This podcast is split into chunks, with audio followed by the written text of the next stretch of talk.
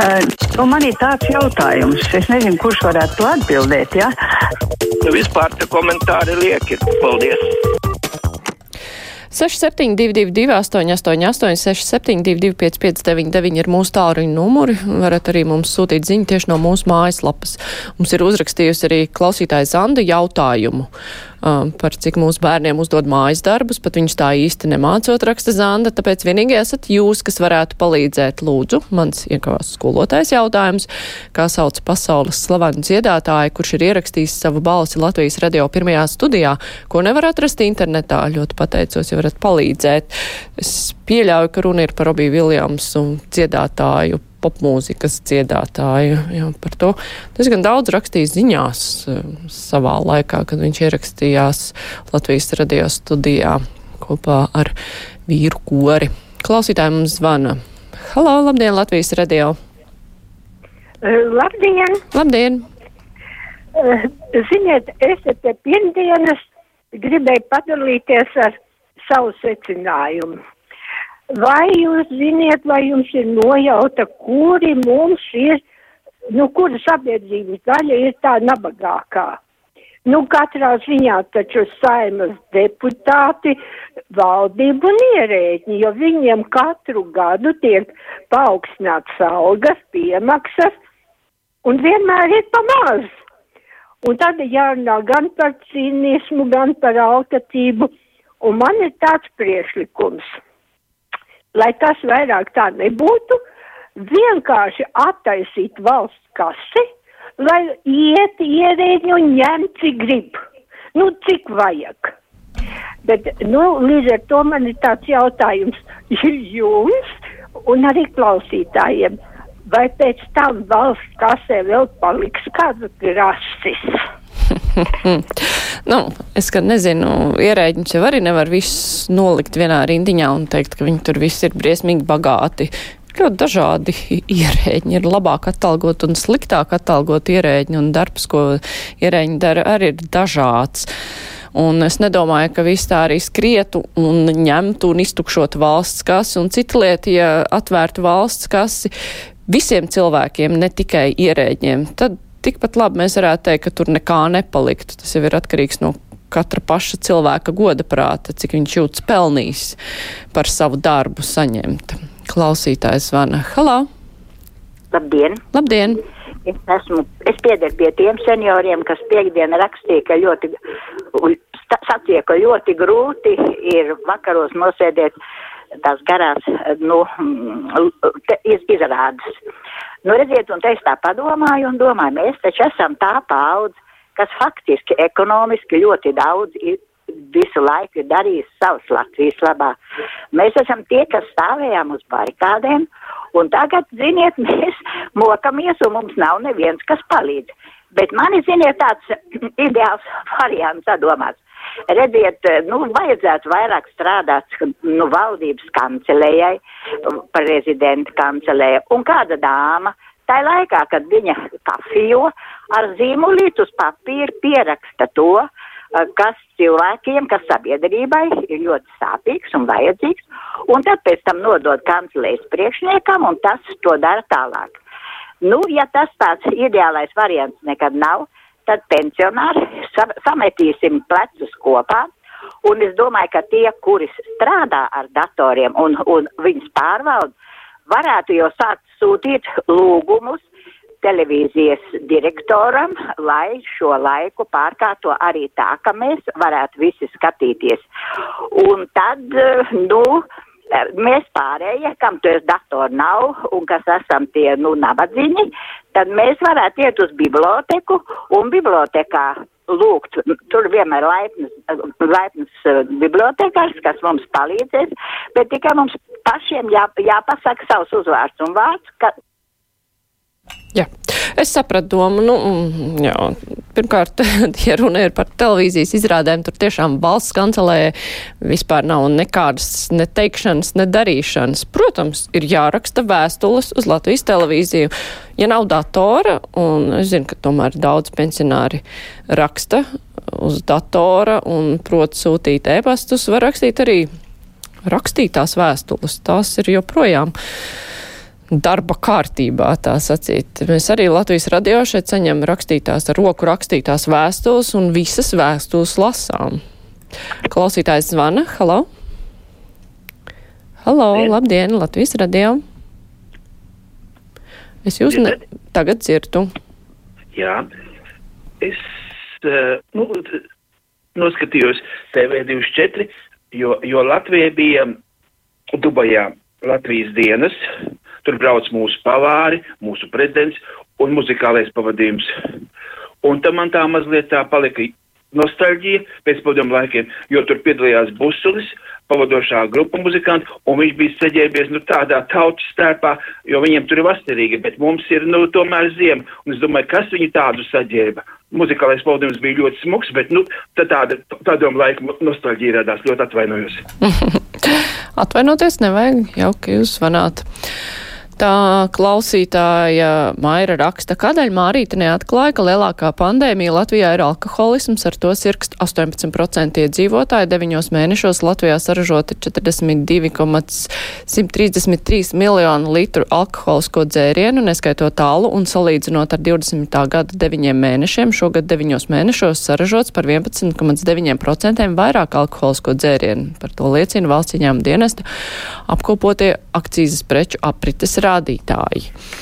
Mm. Ražošana ir viena lieta, to jau var droši vien, var eksportēt. Nav teikts, ka te visu izdzer uz vietas. Tiesa arī tie dzeršanas dati Latvijā nav labi. Un te gan bija norādes, ka mūsu lētāko alkoholu iepērk igauņi, bet uh, tomēr arī mēs Latvijā patērējam tāpat daudz. Tā ir problēma, piekrītu. Klausītājs zvana. Halo! Sveicināti! Labdien! Problēmas ir ar veco ļaužu vakcināciju, jo tie sastāv galvenokārt to lielo mirstības procentu Latvijā. Man ir jautājums, kāpēc viens no reliģisko konfesiju līderiem nav pateicis kādu labo vārdu populārā laikā? Vai nu ziņās kādu minūti vai kaut ko tam līdzīgu. Es neesmu dzirdējis nevienu, ne luterāņu priekšnieku, ne katoļu priekšnieku, ne pareizticīgo. Nu, kāpēc viņi nevarētu uzmundrināt savu draugu tādā veidā? Nedaudz, bet populārākā laikā, kad cilvēki tiešām skatās. Paldies! Mm. Nu, pa, viņiem arī, protams, nav tie, kur nosaka, ko rāda, ko nerāda, teiksim, televīzijā. Bet eh, vai tā nav, ka, ja es pareizi sapratu, ka jūs gribat dzirdēt aicinājumu vakcinēties, eh, ja es pareizi sapratu, tad man šķiet, ka tavo gan ir eh, konfesiju vadītāji, vismaz katoļu, ir teikuši, ka to vajag darīt. Klausītājs zvana. Labdien! Labdien! Esat ēterā? Uh, man tāds jautājums. Uh, sabiedriskais radio skaitās, runa ir par robežām. Tad bēgļi ir tie apbežotie, uh, vis, neviena vārda ne, uh, neaizstāv uh, uh, karavīrus, robežsargus, policisti, kas sargā mūsu robežas, kurus apmētā ar kokiem un akmeņiem. Par tiem nē, tie tā kā nebūtu cilvēki. Cilvēku tiesības ir tikai tiem bēgļiem. Ko, ja? Kur tad jūs to dzirdējāt? Ko jūs esat klausījies vai skatījies? Tās ziņas, ko es skatos un klausos, tur ļoti daudz. Pirmkārt, neviens uh, nesaka bēgļi, bet tomēr lieto vārdu migranti, jo nu, šajā gadījumā par klasiskiem bēgļiem nav īsti runa. Un otrs, tieši par to, cik agresīvi mēģina šķērsot robežu un cik tas ir nepareizi, par to ļoti daudz runā un arī par to, cik ir cietuši robežsargi, arī par to runā. Tā kā, nu, šajā gadījumā man šķiet, ka jūs kaut ko ne to, laikam, esat klausījies vai skatījies. Tā klausā, klausītājs viesturs raksta, labdien, man gribētos saņemt atbildus man jautājumu par trešo poti, vai nevajadzētu pirms balstu vakcīnas nodot analīzes, lai saprastu, vai to vispār vajag. Kādam noteikti, ka vajag, bet jābūt taču gadījumam, ka tā nav nepieciešama. Par to darētu plašāks skaidrojums. Es domāju, ka daudz cilvēku tas interesētu, jo neviens jau negrib, nu, teiksim, ja ir, piemēram, pārslimojis nemanīti, varbūt tiešām tās antivielas ir daudz. Nu, gribētu zināt, kā tad īsti pareizi rīkoties. Es piekrītu. Par to vajadzētu vairāk skaidrot cilvēkiem. Pacaušu klausuli. Labdien! Latvijas radio! Halo, Sveiki! Labdien! Sveiki, sveiki, esat ēterā. Jā, labdien!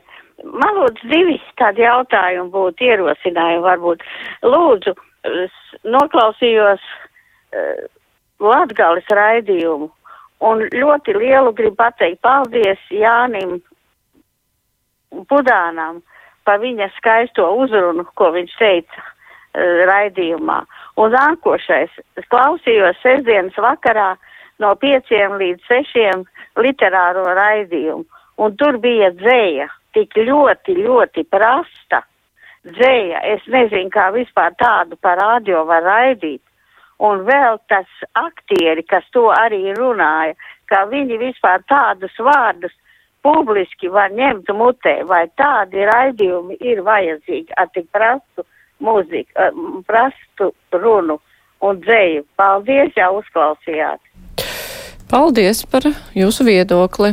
Savukārt man kolēģi raksta, ka rīt raidījumā kā labāk dzīvot tieši būs runa par vakcinēšanos, tajā skaitā arī par trešo poti. Es domāju, ka būs atbild arī uz jautājumu, ko viesturs iepriekš rakstīja.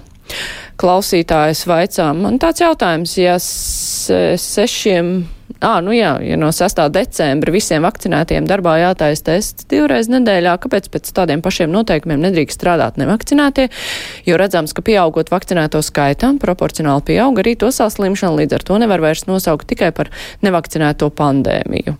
Nu, viena lieta ir tā, ka vakcinētie tomēr mazāk saslimst ar vīrusu un ir mazāks risks saslimt. Un, nevakcinētos droši vien vajadzētu pārbaudīt bezmaz katru dienu, nevis divreiz nedēļā. Otra lieta ir tā, ka nu, tomēr ar šiem noteikumiem es domāju, ka valsts arī cenšas panākt, lai maksimāli daudz cilvēku vakcinējas, lai iegūtu kopējo imunitāti. Tas ir tādas vispārējas lietas labā, jo, kā mēs redzam, cilvēkus stimulēt citādā veidā nesanāk, jo cilvēki citādā veidā neklausa. Klausītājs zvana. Labdien! Labdien! Man tādi divi secinājumi par bēgļiem runājot. Ja? Netiek ievērots valstu likums, vai ne, kas ir un aizsardzība viss. Ja? Ja tie ir bēgļi, tad lai viņi iet oficiālo robežu un nebūs nekāda problēma. Tik līdz viņi šķērso robežu ne tādā veidā. Ne kā komunistu laikā šāviens gaisā nākošais viss un nekāda bēgļa nebūs. Tas ir viens. Un otrs, tie bēgļi, tas nu, bēgļi vispār tā ir naudas mazgāšana attiecīgām iestādēm, kaut kas jau neko, netiek tas nekas darīts, tas ir izdevīgi, jā. Un, un, un par šito tie naudām, jā, kas tur ir. Nu, mūsu, mūsu valdība ir vispār, vispār korumpētākā, kas var būt tikai sev algas paaugstina un cauri, bet viņiem vajadzētu samazināt tehnikātīgi to algu, jo viņi nav no. Mm -hmm, jā, nu, diemžēl mums arī brīvā mikrofona laiks ir beidzies, tā kā uz šādas nots. Tad uh, saku paldies klausītājiem, tagad būs ziņas.